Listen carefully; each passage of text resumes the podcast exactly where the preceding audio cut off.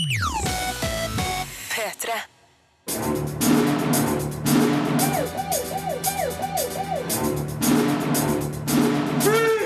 Filmpolitiet!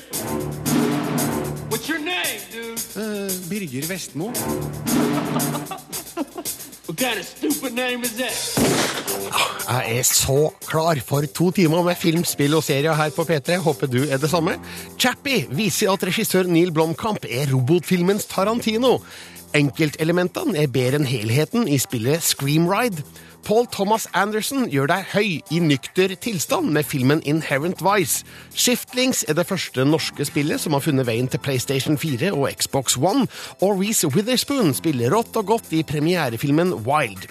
Det her er filmene og spillene som anmeldes i dagens utgave av Filmpolitiet, der det i tillegg skal handle om sesong tre av House of Cards. Kevin Spacey skal fortelle om parallellene mellom serien og den virkelige verden.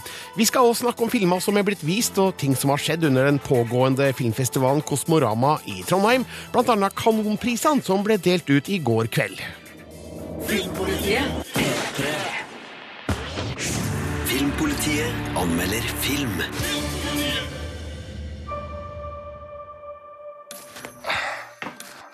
Hello again. Uh, so it's day 944. Neil Blomkamp er tilbake i god form med Chappie. Etter den gode, men likevel bitte litt skuffende Elysium gjør District 9-regissøren et overbevisende comeback med mer grovkverna sci-fi fra Johannesburg. Han er en slags robotfilmens svar på Tarantino, låner vilt og uhemma flere kjente elementer fra andre høydepunkter i sjangeren, og smelter dem sammen til noe eget. Resultatet er morsomt, spennende og underholdende. I en alternativ nåtid er politiet i Johannesburg utstyrt med roboter, kalt speidere, som har vist seg å være effektive i kampen mot kriminalitet. Robotskaperen Deon, spilt av Dev Patel, har utvikla kunstig intelligens og vil teste på en vraka speider, men blir kidnappa av skurker som vil bruke speideren til kriminelle formål. Det legger veien åpen for Deons rival Vincent Moore, spilt av Hugh Jackman, som innynder seg hos deres sjef Michelle Bradley, spilt av Sigourney Weaver. A thinking robot could be the end of mankind. Dev Patel er helt OK som skoleguttaktig idealist med et bankende hjerte. Filmens hovedskurker er de fargerike figurene Ninja og Yolandi, som spilles av de sørafrikanske artistene med samme navn fra bandet The Antwoord. Hugh Jackman har òg en mørk rolle som Vincent, den konkurrerende robotskaperen uten samme suksess som Deon. Men roboten Chappie er på mange måter den mest menneskelige av figurene, gjennom Shalto Copleys uttrykksfulle motion capture mimikk og sjelfulle stemmelegging. Historien peker på menneskets tvilsomme bruk av teknologi. Den har òg noe å si om oppdragelse og hvordan en ny bevissthet ubønnhørlig blir forma av omgivelsene. Historien drives òg fremover av flere intense actionscener som Blomkamp filmer med stor energi og slagkraft. Den visuelle sida av filmen er gjennomført god. Det her er ikke glansa high-tech à la Star Trek, men heller mer mot realismen i Alien, som lover godt for Neil Blomkamps kommende Alien-film. I Chappie viser han oss den slitte sida av Johannesburg, der kontrastene er stor mellom ny teknologi og forfallent bybilde. Neil Blomkamps inspirasjonskilder er åpenbare. Han har bl.a. tatt skaper- og levetidselementene fra Blade Runner, robotlæringa fra Terminator 2 og menneskelig bevissthet i en maskin fra Robocop. Det kan nå nevnes at Hugh Jackman styrer robotmonsteret Elgen, som ligner Ed 209 fra Robocop, og i tillegg refererer til Real Steel, der Jackman styrte kamproboter i bokseringen. Man kan alltids beskylde Neil Blomkamp for å mangle originalitet, men Chappie fremstår likevel som en frisk og livskraftig science fiction-film. I am Chappie. Terningkast fem. Dette er Filmpolitiet anmelder spill. We will soon be arriving at Screenworks. Thank you for volunteering for the program. Spillet Scream Ride lanseres i dag for Xbox One og Xbox 360. Og Rune Haakonsen, det her er et berg-og-dal-banespill. Et litt underlig valg for sjanger, men eh, det er kanskje noen som har vært borti Rollercoaster Tycoon eller Theme Park og, og kjenner litt på den lysten over å bygge galskapens berg-og-dal-baner mens man utsetter sine stakkars gjester for eh, de mer ekstreme påkjenningene. Altså, I Scream Ride er det om å gjøre å bygge de sjukeste berg-og-dal-banene, rett og slett. Ja, rett og slett, for spillet består av tre elementer, alt satt i rammen av et laboratorium hvor du kan eksperimentere med å bygge de, de rareste tingene, sprenge de opp og ikke minst teste de. Ja. Den ene delen er da at du kan bygge berg-og-dal-baner, og på eh, konsollene, Xbox-konsollene så er byggeverktøyet både eh, veldig kraftig og godt tilpassa det å bruke en håndkontroller, så det syns jeg fungerer veldig godt. Og så er det morsomt å lage litt sånn heftige greier. Men det mister litt for fort eh, skal vi si, attraksjon. Det er, det er ikke så morsomt å bygge den Etter du har bygd en ekstrem berg-og-dal-bane, Ja. så er det ikke like morsomt neste gang. Nei. Eh, Og spillet mangler en slags eh, gulrot for å få meg til å fortsette å eksperimentere med det. Men så har du denne delen med de to andre elementene i spillet, hvor du kan ødelegge bygninger og berg-og-dal-baner og forsøke å gjøre mest mulig skade. ved å kaste forskjellige eh, skal vi si, forsøkspersoner ut i forskjellige kapsler og sprenge det opp her og der. Også morsomt, men når du har gjort det største, så mister det litt momentum, og det er ikke like morsomt neste gang. Siste delen så er det at du kan kjøre de banene du har bygd. Men dette er som et bilspill hvor du står på et fast spor og kan kun velge hvor fort eller sakte du skal kjøre. Det er ikke helt det jeg har lyst til å vende tilbake til, selv om det er morsomt første gangen. Derfor får Scream Ride Terningkast tre Filmpolitiet. på P3. En ny norsk film har premiere i dag, nemlig 'Kvinner i for store herreskjorter'. Den er basert på romanen 'Vente blinke' av forfatter Gunhild Øyehaug, og handler om litteraturstudenten Sigrid, spilt av Inga Ibsdotter Lilleås, som forelsker seg i den eh, eldre forfatteren Kåre, spilt av Halvard Holmen. Vi møter også kunstneren Trine, spilt av Henriette Stenstrup, som blir gravid rett før sitt store gjennombrudd, og trelastarbeideren Agnes, spilt av Anne Krigsvold, som tror hun skal dø og vil komme i kontakt med sin bortadopterte sønn. Her er litt lyd fra filmens trailer. Sigrid Auge vil bli sett og finne kjærleiken. Vi hadde tenkt å si det til deg. At vi bare ble kjærester. Det bare skjedde, liksom. Faen. Trine Jung skulle aldri bli mor. Skal du ha med babyen hit, da, tenkte du? Jeg kan godt ta med ammetelt, hvis det er det. Agnes Kalvatn kjenner døden nærme seg og får dårlig tid. Nå, Agnes, skal du endelig få møte sønnen din, som du adopterte bort. Og Kåre Trivle jakter på det autentiske. Hun var inautentisk. Kjærligheten hadde blitt inautentisk.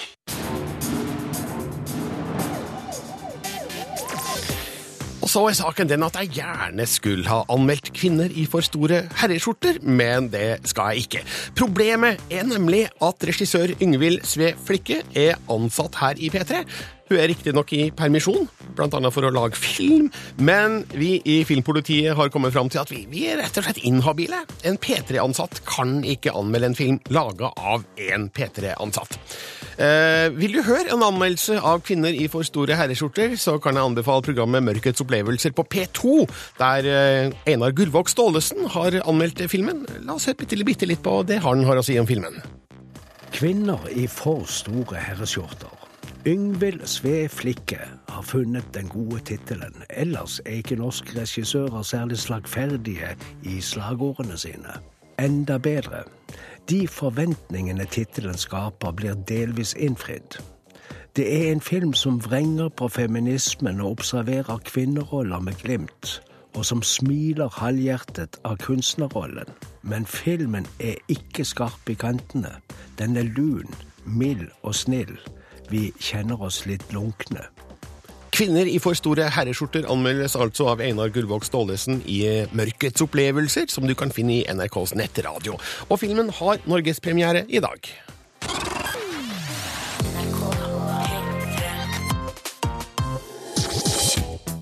Sigurd og Rune har kommet inn i studio. Velkommen, gutter. God fredag. God fredag, Birger. Ja, du, Vi må snakke om en del ting som har skjedd eh, de siste dagene. Mm. Jeg og du, Sigurd, vi var på Kanonprisen i går kveld. Mingla med fiffen, vi da, Birger. Ja, vi gjorde det. Det er altså snakk om eh, en stor filmpris, det her, som eh, skal vi, skal vi si at den rangeres sånn nesten rett under Amanda? Ja, det er jo bransjens egen, ikke da? Der de stemmer fram sine favoritter. Altså, og det er jo viktig for dem, i hvert fall, å Ja. få den anerkjennelsen fra Så sine egne. skuespillere stemmer på skuespillere, fotografer stemmer på fotografer, så det her er en sånn bransjepris. Litt, er ikke det litt sånn Norges Oscar, da? Ja, vi kan kalle det det. Altså, sånn i avstemningssammenheng, i hvert fall. Eh, Men jeg snakka med flere skuespillere og regissører i går som sier at Kanonprisen den henger høyt, og den er veldig populær. Og det var en hyggelig sammenkomst. Og så var det jo én film som fikk de fleste prisene. Og hvilken en var det? Det var Blind. Ja. Og den liker jo vi godt også. Du ga den vel terningkast fem, gjorde du det? Gjorde det, og syns at det var helt på sin plass at eh, Skill Vogt eh, vant eh, regiprisen eh, for Blind, blant annet, og Ellen Dorrit Petersen for beste kvinnelige hovedrolle. Eh, Det var også en annen film jeg likte veldig godt, som fikk eh, to priser, nemlig Mot naturen. Beste produsent og beste mannlige hovedrolle, tar jeg feil der? Det er riktig. altså Det er jo litt morsomt, da, fordi beste mannlige hovedrolle, Ole Gjæver, som også regisserte filmen, og han er jo egentlig ikke skuespiller, ifølge seg sjøl i hvert fall. Men uh, han vant altså uh, uh, Kanonprisen i sterk konkurranse med bl.a. Bjørn Sundquist. Og var litt nervøs for å gå og sette seg på bordet med Bjørn Sundquist, kunne fortelle fra scenen, for det er jo en finnmarking med temperament, så, men jeg tror det gikk bra. Vi så ikke noe utover nei, aftenen på det. Det så ut på festen i går kveld at det gikk rolig for seg mellom de to, så vi får tro at de var fornøyde.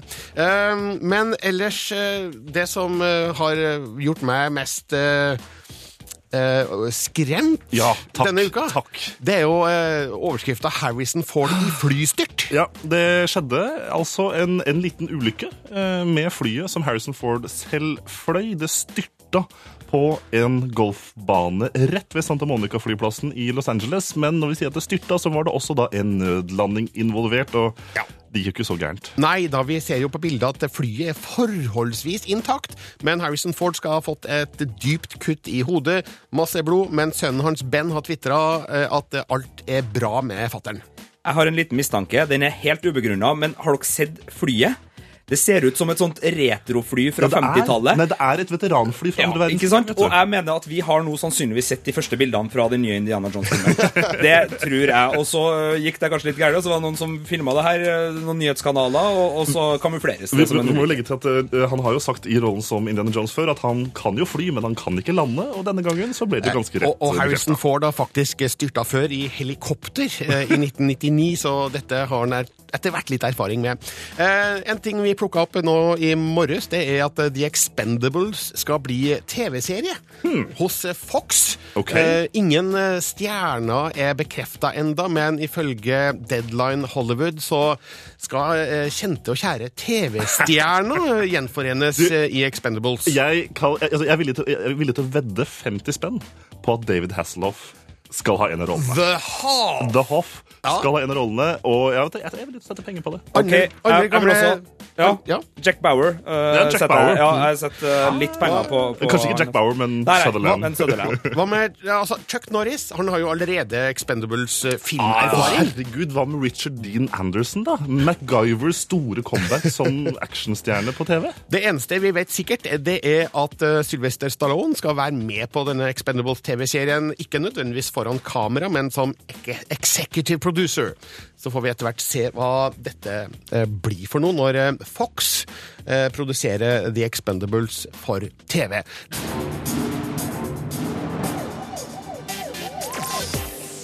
Rune og Sigurd er her fremdeles. Vi skal snakke litt om ting vi har eh, sett den siste uka. Og vi, vi skal konse på, på film, fordi mm, Kosmorama internasjonale filmfestival pågår i Trondheim eh, Mm. akkurat nå, med en rekke interessante ting på plakaten. Eh, Du, Rune, Mm. så Jordens salt i går. Det er en altså, Se for deg noe litt sånn rart at det er en filmdokumentar om foto. Eh, Det høres kanskje i utgangspunktet ut som en litt sånn motsetning, men, men, men, men tilfellet er i Wim Wenders film om, om fotografen Roberto Salgado. Altså, det er en, en helt utrolig eh, vei og fortelling om hans liv og virke. Hans møte med krig, med hungersnød, med menneskelig elendighet, og hans nå da den gamle mannens eh, skal vi si litt eh, ødelagte tro på menneskeheten, og hvordan han bygger det opp igjen ved å ta og fokusere på natur i hans foto. Bildene er jo helt utrolige, historiene bak dem enda mer så. Vi får være med når han er ute og, og fotograferer urfolk, og når han er på, uh, i Antarktis for å fo- fotografere dyrelivet.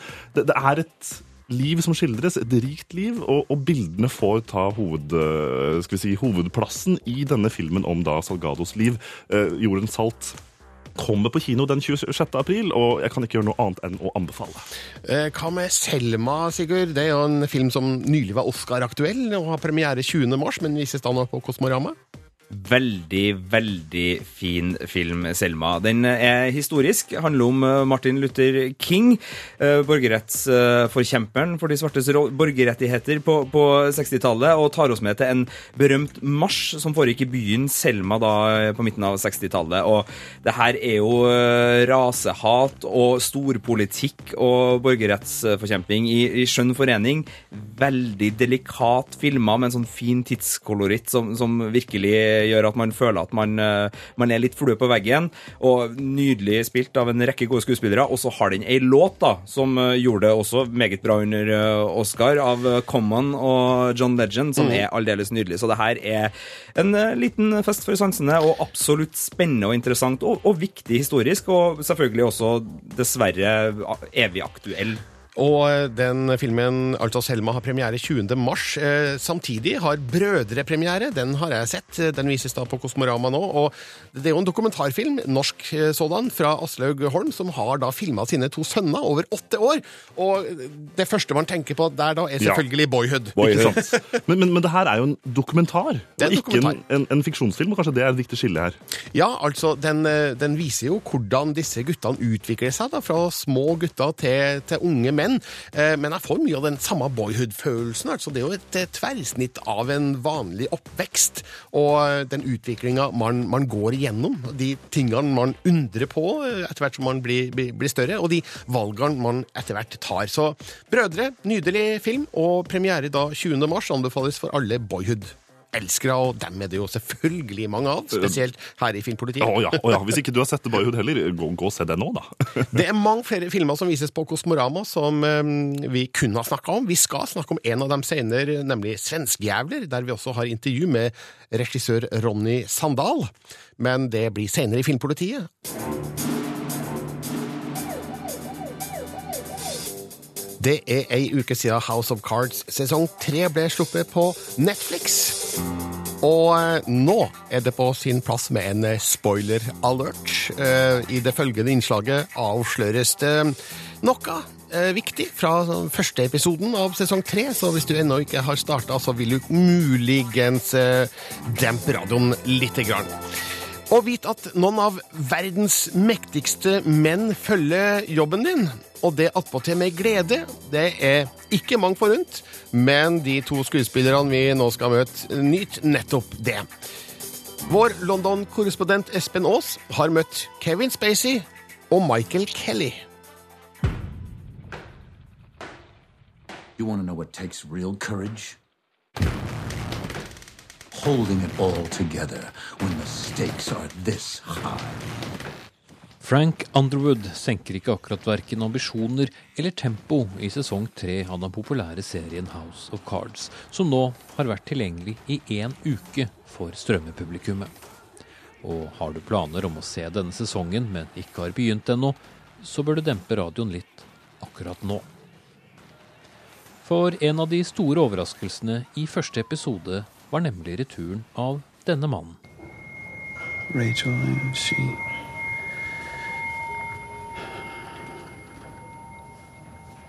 I don't remember. Doug Stamper, Underwoods svært så grundige spinndoktor og rådgiver. Mange trodde han takket for seg i forrige sesong. Det skylder skuespilleren bak, Michael Kelly, på en journalist når NRK møter ham og flere av de andre skuespillerne under lansering i London. You know, it was just it was just that the first person uh, to write about it was like he's dead, and then everyone just went with that story. So it was a little frightening in the beginning, but um, yeah, man, when I got that first script uh, for season three, I was like, oh my god, you know what a treat. Well, they told me you needed to see me. I live er i aller høyeste grad også ekteparet Frank og Claire, og etter hvert som serien har vokst i popularitet, hagler også spekulasjonene om hvem de hovedkarakterene egentlig ligner på eller er basert på. Selv avviser Kevin Spacey at det er basert på noen som helst. It's really not about anybody that exists. It's about these two fictional characters. Um, and whether people see things that, oh, I think that's like so and so or that's like so and so, that's just what people see. We're murderers, Francis. We're survivors. Ei heller at serien trekker paralleller til virkelige hendelser, til tross for at veien mellom fiksjon og virkelighet til tider kan virke noe kort. What has been interesting, and this has just literally been happenstance, it's not been an intention, is that in both season one and season two, and now season three, all the discussions that we end up having about the areas we want to go in, the issues we want to tackle, um, they get written, we then shoot them, and then they seem to happen. Blant tilhengerne av serien finnes mange som kan mye om politikk, ja, som faktisk kan eh, ganske mye om det å være president også, noe særlig Michael Kelly synes er litt mer enn fantastisk. I think that it's incredibly flattering to know that President Obama and President Clinton not only watch the show but are real fans and have tweeted "Don't spoil," you know, like that. I mean, come on, it's uh, it's the ultimate form of, of flattery to be to know to know that the president is watching the show.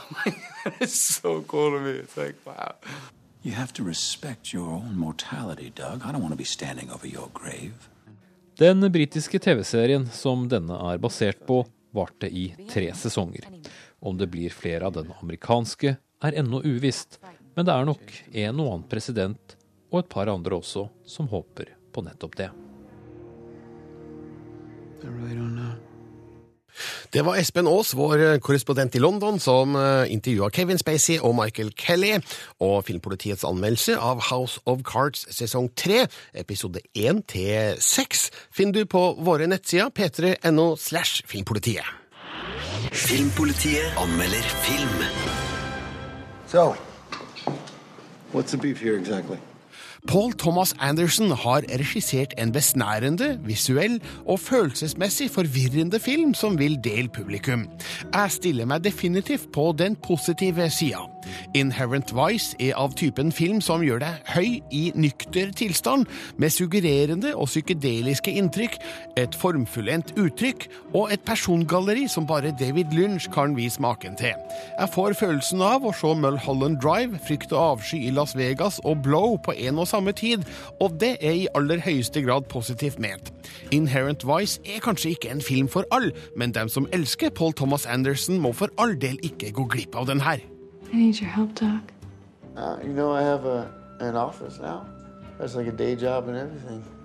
Inherent Vice er basert på en roman av Thomas Pynchon og introduserer oss for et stort knippe figurer på skyggesida av Los Angeles på starten av 1970-tallet. Privatdetektiven Larry Doc Sportello, spilt av Joaquin Phoenix, forsøker å finne sin forsvunne ekskjæreste Shasta Faye Hepworth, spilt av Catherine Waterston. Dette fører han inn i mørke miljøer med lyssky personer, annet selskapet Golden Fang, som viser seg å være et skalkeskjul for en stor dopforretning. Word I'm hearing is that Mickey Wolfman might not be as missing as we think. Like gone, but not gone. Noe videre handlingsbeskrivelse er unødvendig og også vanskelig, da det renner inn med figurer i ulike situasjoner i flere historietråder. Men alt har én fellesnevner. Alle figurer, situasjoner, dialog og handling er gjennomsyra av dop. All tankerekka, betraktninger og konklusjoner er basert på en fordreid virkelighetsoppfatning.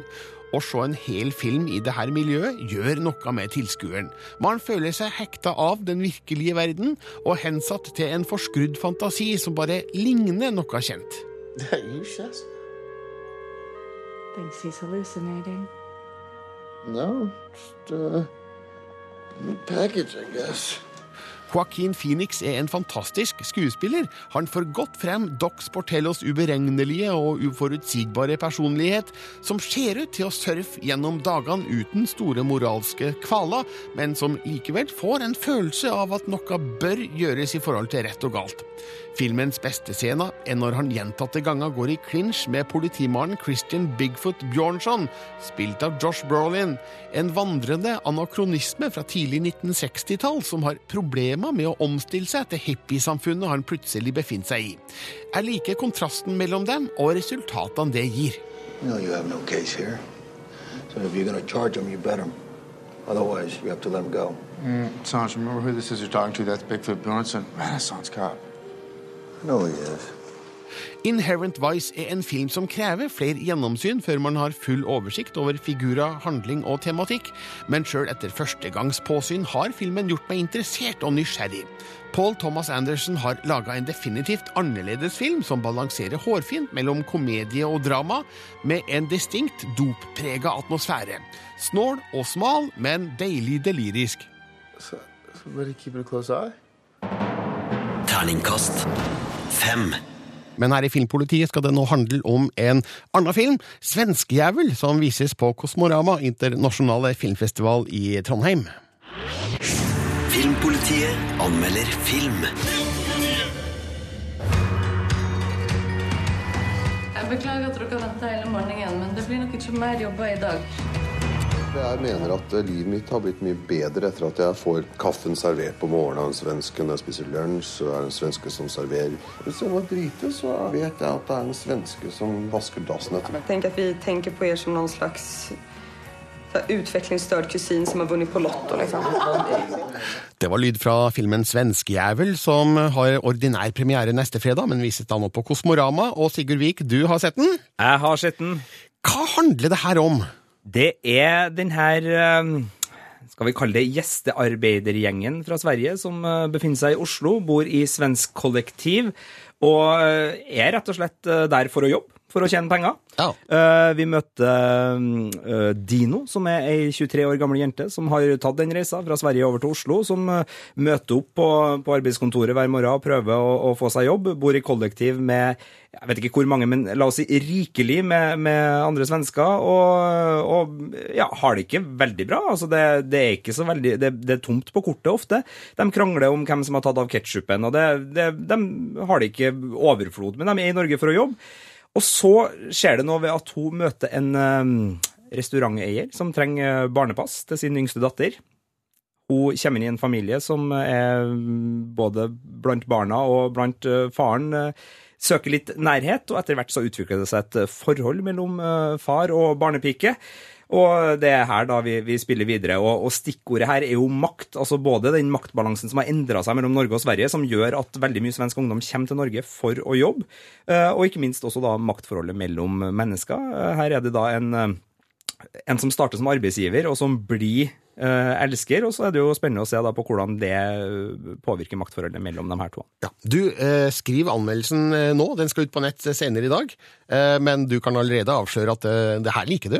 Jeg liker det her veldig godt, for den treffer en nerve som er uh, ubehagelig for meg. Uh, for det er sånn som de er på, uh, på Ikea av alle plasser, nesten ironisk nok, så er det en, en voksen norsk dame som, som liksom snakker om svensker i serviceyrket, og, og sier da til, til Dino ja, dere er jo så gode på service. Altså, det er den der norske, kleine velmenheten som egentlig er ganske nedlatende. Altså, filmen klarer å treffe det her ganske bra. Ja. Den er også et veldig godt tidsbilde på, på hvordan Norge og Sverige og maktforholdet de er imellom eh, i, i 2015. Eh, Muligens eh, så er det her eh, oljerike Norges siste sjanse til å være høflig mot svenskene før vi ramler ned igjen i økonomisk katastrofe og trenger storebroren vår, men det vil jo tiden vise. Og så er Uh, Bianca Kronløf, som spiller hovedrollen uh, Dino, hun er et funn. Det er en sann glede å se denne dama på, på lerretet. Nå har hun uh, fått et par filmer under seg. Hun, ja, jeg, jeg gleder meg til å følge henne i fortsettelsen. Det er en nydelig rolle hun gjør. Anmeldelsen av Svenskejævler kommer ut på P3N og Filmpolitiet litt senere i dag, men karakteren den er klar. Terningkast fem. Lovende, Sigurd. Lovende. Du har også møtt regissøren. Det har jeg. Ronny Sandal. Hvordan var han? Veldig hyggelig mann. Jeg kan fortelle at favorittlaget hans i England er Queens Park Rangers. Og um, han kjente Rosenborg godt fra tida Rosenborg dominerte i, i Champions League. Var kanskje litt irritert på Rosenborg der. Uh, en veldig hyggelig mann. Skarp. Han vet det her er spillefilmdebuten hans, men han, han vet hva han driver på med. Altså, han har vært reflektert i forhold til hvordan han kjører sine skuespillere og tar sine valg. Så ja, spennende regissør. Ja, Gikk rundt på Kanonprisfesten i går med, med caps. Så ut som en kul kis. Veldig Eh, svensk. Eh, han er svensk, ja? Ja, veldig svensk i, med, med capsen. Det var jo ty- typisk svensk. Nei. Ja, Hva snakka dere om, da? Nei, Jeg var jo veldig nysgjerrig på hvorfor en svensk regissør eh, valgte å, å fære til Oslo og lage en film om svenske ungdommer som kom til den norske hovedstaden. Jag hade egentligen tänkt att göra en film som skulle utspela sig i Sverige, i den lilla småbyn jag kommer ifrån. Men jag upptäckte ju eftervis att det hade varit helt osant att göra den i Sverige för att alla hade ju flyttat till Oslo. Jag menar när jag kom, när jag åkte till Oslo eh, runt 2011 var jag här en, en hel del och då det kändes helt absurt när man gick runt på gatorna. Det var som att gå på klassåterträff. Alltså det var folk hemifrån överallt och då då, då insåg jag att ska jag göra en film om en ung svensk samtid, då måste den utspela i Oslo. Hvordan var researchen din for å, å finne liksom, svensk i kollektivvibben i Oslo? Jeg behøvde faktisk ikke researche just situasjoner og menneskene, for at jeg vokste opp med dem. Det var som å skildre min oppvekst, fast jeg flyttade til Oslo. Altså, det, det er mennesker hjemmefra. Eh, Derimot så var jeg veldig den store utmaningen var vel snarere att fange hvordan det ser ut, hvordan det lukter, hvordan det, alltså att, att de rent praktiska sakerna, eh, tingen i bild. Och då gjorde vi faktiskt så att eftersom jag är en jävligt jobbig eh, regissör mot mina medarbetare så tvingade jag eh, mina medarbetare att resa runt bland 15 olika kollektiv och ta bilder och så plockar jag ut det täcket, eh, den lampan, den datorn. Så allt i kollektivet är från 15 olika riktiga kollektiv, svensk kollektiv. Ja, Du sier ordet svensk kollektiv. Ja. Er, er, finnes, er det et begrep? Har man svensk kollektiv i Oslo? Absolut, absolut. Jeg mener, som, som de fleste innvandrergrupper så, så, tenderar man jo å søke seg til de egne. Eh, så at det er jo kjempevanlig med just de her svenskkollektivene. Jeg syns man kan se det bare gjennom å klive inn i de rommene. For meg som svensk så ser jeg direkte at å, det der tekket, et sånt hadde jeg eh, det sov jeg i da jeg var 14. Eh, och eh, de matvarorna som de åker till Sverige och skeppar med sig för att det är billigare. Och, alltså, så det finns de här eh, referenserna som är för mig extremt svenskar i Oslo-referenserna. Eh, så de var ju väldigt viktigt för mig att ha med. För det är en film som är hypernaturalistisk. Jag visste, bommar jag någonting, är det någonting som är fel eller osant, då kommer det bita mig i röven. På uh, skuespillerfronten, Bianca, hvordan, uh, hvordan casta du henne? Jeg var veldig nervøs på forhånd, for at jeg visste at karakteren Dino, hovedrollen, det er det beste jeg har skrevet. Jeg var helt sikker på det. Men, men den store utmaningen, var hvordan hittar jeg en människa som kan klä i seg det her, som kan, som kan fylle opp det her og gjøre det på riktig. Eh, og jeg kastet veldig mange, men så hadde jeg i bakhuvudet hadde jeg en, et minne av en text jeg hadde lest i en feministisk tidskrift i, i Sverige. Eh, det var en ung teaterstudent som skrev en text om att alla svenska regissører er dumme i huvudet. Eh, at att vi stendig reproduserer samme skräpkaraktärer og samme dårlige filmer. Eh, och den spreds i branschen, i filmbransjen i Sverige og folk sa at denne bruden hun kommer aldri få et jobb i hele sitt liv. Og det var innan hun har gjort i stort sett någonting. Eh, og jeg tenkte at dels hun måste veta at hun er bra Og dels er hun hälften så bra som hun er modig så kommer hun være fantastisk. Og jag testade henne väldigt mycket och jag förstod direkt att här är en unik talang, här är en extremt modig skådespelare. Eh, och här är det också någon som kommer med ett intellekt till bordet. Hon kommer väldigt mycket till bordet för, för filmen, vilket är så jag vill arbeta. Det är samma med Henrik Rafaelsen som har den manliga rollen. att, att eh, Han kommer också med väldigt mycket till, bordet. Jag pressar skådespelare väldigt mycket och jag ställer väldigt höga krav på dem. Eh, så då må man ha de beste, annars går det til helvete. Hva tenker du om hvordan Norge har takla det å ta imot eh, en ung svensk eh, gjeng som kommer og jobber i, i hovedstaden? Jeg tror at Sverige skal være jævlig takksamt mot Norge på mange sett. For at just nu har vi en ungdomsarbeidsløshet i Sverige som er på 22 Hadde det ikke vært 100 000 svensker som var her og jobba i Norge så hadde den vært 40 procent. eh, eller dylikt.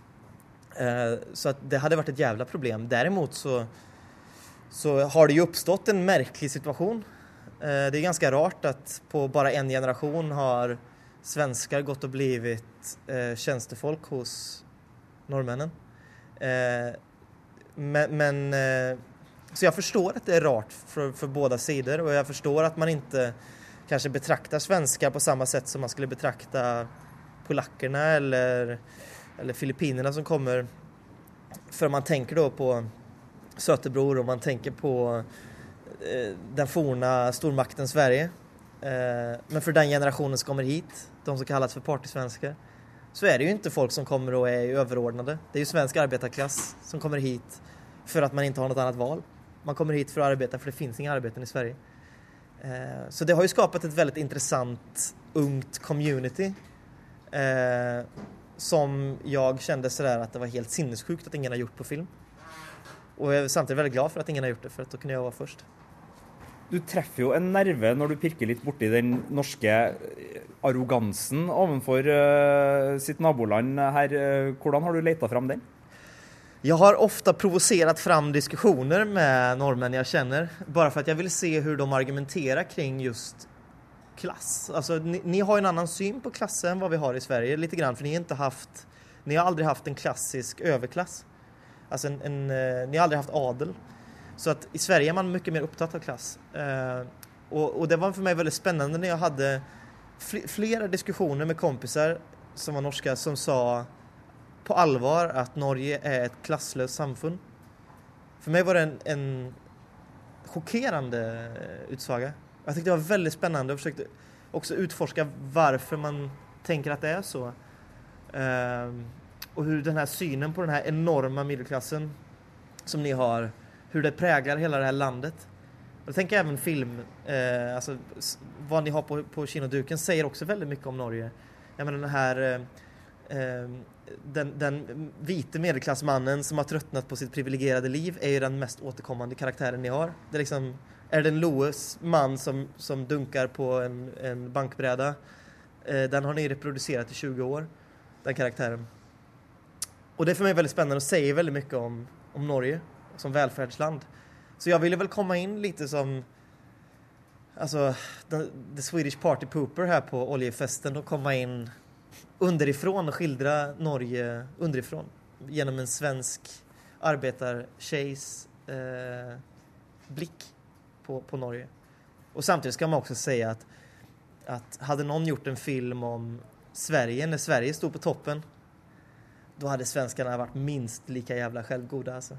Det, jag menar, hade gjort en film om finländarna som kom till Sverige på 60-70-talet för att arbeta då hade inte svenskarna framstått som så jävla mycket mer sympatiska än vad norrmännen gör i min film. Bianca som skuespiller, var det her hennes første film? Spillefilm? Eh, Ja, första liksom, traditionella spillefilm. Hon har gjort mer experimentell film lite grann innan med, med Marken Halle. Eh, det har inte riktigt varit huvudroller utan mer eh, biroller eh, i, för de gick i skolan sammen. Men detta är väl hennes, mer, hennes första klassiska spillefilm med ett manus och, och, och så vidare. Hvordan var det å jobbe sammen sånn med henne som skuespiller? Det var fantastiskt. Eh, hon är, som jag sa, väldigt modig och väldigt eh, öppen och, eh, och begåvad. Och jag, jag vill... Jag ställer väldigt höga krav på skådespelarna att de också ska fatta grejer själva. Jag kommer inte säga att du gör det här och det här på grund av det här och det här. Även om jag vet det så kommer jag inte säga det. För jag vill att de ska komma fram till svaren själva så jag försöker berätta historier istället. Och säger för 15 år sedan hände det här och det här. Och, och, och vad tror du att det har lett till? Eller vad har, alltså de får fylla luckor och sen jobbar jag väldigt mycket med hemligheter med skådespelare.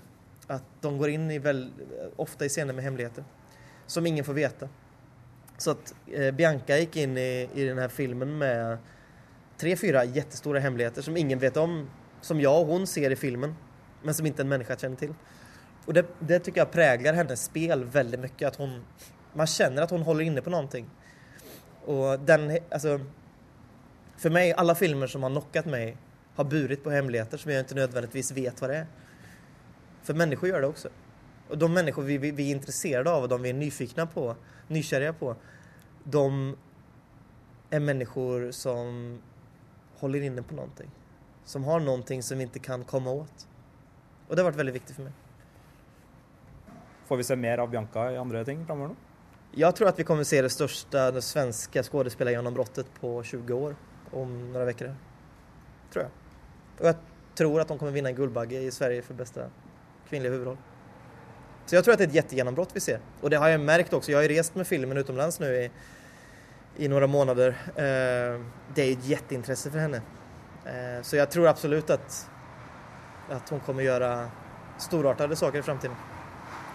Godt å kjenne på den eh, som regissør? ja? jeg jag är väldigt stolt över vad vi, vad vi har åstadkommit och att jag är också väldigt stolt over at vi har gjort en kvinnokaraktär sammen som, som ikke nødvendigvis påminner om andre kvinnokaraktärer vi ser på film utan kanskje påminner mer om kvinnor man kjenner i verkliga livet. Eh, og, og der var det også veldig viktig for oss å gå imot vissa stereotyper, å leka med vissa stereotyper. Og även när vi någonstans på vägen in, eller när jag någonstans på vägen in insåg at shit, jeg bestemmer jo her. Jeg kan gjøre hva faen jeg vil. Jeg kan, jeg kan gå imot allting. Och så började jag och Bianca diskutera, så här, vad har vi aldrig sett på film? Vad har vi aldrig sett en kvinna göra på film? Och hur, hur, hur gestaltar vi nakenhet? Hur gestaltar vi... Och så bara, shit, vi kan göra vad vi vill. Så till exempel så kom vi på att nej, vi har aldrig sett en kvinna byta binda på film. Eh, det måste vi ha med. Menstruasjonen måtte med. Ja. Inte för att det är en stor grej, det syns i en halv sekund och det, det är liksom en del av vardagen. Men samtidigt var det ett beslut som gjorde i och för sig att hela Asien, hela Sydamerika, hela Mellanöstern sa nej till filmen på grund av det. Men samtidigt, ibland får man eh, ta en eh, smäll i ansiktet för konsten. Sigurd Vik møtte regissør Ronny Sandal på Kosmorama i Trondheim. Svenskejævel har norgespremiere fredag 13. mars, og det er jo da om en liten uke. Og filmen får terningkast fem på P3NO Filmpolitiet når anmeldelsen legges ut litt seinere i dag. Filmpolitiet anmelder spill. Hey there, Galaxy fans! Welcome back to another groovy episode of Shiplings. På onsdag ble spillet Shiftlings utgitt, og det som er det spesielle her, er at det er norsk, og det er det første norske spillet på de nye konsollene PlayStation 4 og Xbox One, og det er litt stort, Rune Håkonsen? Det er absolutt en viktig vei videre for norsk spillindustri, for nå får man da også muligheten til å i hvert fall de bryter ned døra for at andre også kan vise seg fram på de svært populære spillkonsollene. Og som vi hørte nå i starten her, eh, velkommen til første episode, sa de, men ja, det er et spill. Et plattform-puslespill satt i et galaktisk realityshow hvor to idioter av noen vaktmenn må drive og prøve å klatre seg gjennom puslespill og oppgaver og utfordringer for å komme i mål. Det som er Skiftlings lille skal vi si, unike innsalgspunkt, er at disse to vaktmesterne er knytta sammen med en ledning. Og da kan du se for deg at det blir litt uh, tullball når du skal prøve å manøvrere deg gjennom utfordringer. I tillegg så har de drukket en energidrikk som gjør at den ene er stor som en ball, og den andre er bitte liten. Og så kan du bytte mellom de to, sånn at den med et knappetrykk så bytter størrelsen på de to, eh, to figurene. Ja, Og man må bytte hele tida for å komme videre i spillet. Hele nøkkelen er å, å, å hoppe på hverandre, bruke hverandres egenskaper for å komme videre, og bruke nettopp størrelsen som en fordel, både da med vekt og det hele. Og akkurat dette er et veldig morsomt konsept som fungerer veldig godt i, i Shiftlings. Eh, Det som er kanskje den negative siden ved det, er at det er jo to figurer. Og hvis du er én spiller, så er det veldig vanskelig å kontrollere. Og noen av oppgavene har jeg nettopp, rett og slett måttet gi opp på, og hente inn eh, litt hjelp for å klare å komme meg i mål. Så skiftlings er desidert best når man er to, litt svakere når man er én. Det er en god historie, en god, morsom uh, spillkonsept, som er pakka litt tykt inn, kanskje, men alt i alt et godt norsk spill. Og morsom musikk, da. Det er det også. Rune, du skriver anmeldelsen av Shiftlings eh, akkurat nå. Kommer ut på P3 og Filmpolitiet litt senere, men du har terningkastet klart, du? Selvsagt. Terningkast fire. Filmpolitiet anmelder film. Oh my god. What? Det er naturlig å sammenligne Wild med Into the Wild, og til dels Den norske mot naturen. All handler om mennesker som legger ut på vandring i naturen på flukt fra livet, mens det etter hvert avsløres hvorfor de følte at de måtte. Wild er, i likhet med de to andre, en vakker film med et behagelig og bedagelig tempo, sjøl om historien har sine naturlige spenningstopper. Og Witherspoon spiller rått og godt i den bærende hovedrollen, basert på en virkelig person. Sorry you have to walk a thousand miles just to. Finish that sentence. Cheryl Strayed, spilt av Witherspoon, skal gå den over 4200 km lange Pacific Crest Trail fra grensa til Mexico og nordover til Canada. Hun har aldri gjort noe lignende og mangler kunnskap, men møter folk langs ruta som på ulike måter skaffer hun både erfaringer og utfordringer. Samtidig viser filmen glimt fra Cheryls liv, som forklarer hvorfor hun har valgt å legge ut på den strabasiøse turen. Breakup is sort of. Det her er en sterk film med to menn i nøkkelposisjoner, nemlig regissør Jean-Marc Vallée, kjent for Dallas Buyers Club, og manusforfatter Nick Hornby, kjent for High Fidelity og Gutter er gutter. Men grunnmaterialet er den virkelige Cheryl Straits egen bok, og hovedrolleinnehaver Witherspoon er sjøl en av produsentene. Resultatet er et sterkt portrett av en kvinnes kamp for å møte sine forventninger til seg sjøl, som hun lenge ikke har vært i stand til å innfri. Only once every two minutes or so. Wild inneholder flere regigrep som jeg kjenner igjen fra både Sean Penns Into the Wild og Ole Gjævers Mot naturen. Men mens sistnevnte film var full av hovedpersonens tanker, hører vi kun flyktige setninger og formuleringer fra Cheryls hode. Vi hører hun minnes andre-stemmer, situasjoner og musikk fra livet som har vært. Av og til inntar det her drømmende og flytende audiovisuelle former, kløktig redigert av Martin Pensa og regissøren sjøl under pseudonymet John Mac McMurphy. Wild er innspilt langs den virkelige Pacific Crest Trail, og gjennom fotograf Yves Belangers linse og lydavdelingas atmosfæriske lydspor får man virkelig følelsen av å være alene i villmarka, langt unna sivilisasjonen. Innledningsvis kan man bli fortørna over Cheryls naivitet med dårlige forberedelser og lite smarte valg underveis. Men etter hvert tegnes det et bilde av en modig kvinne med beundringsverdig utholdenhet, som gjør Wild til en inspirerende og oppløftende historie fra virkeligheten.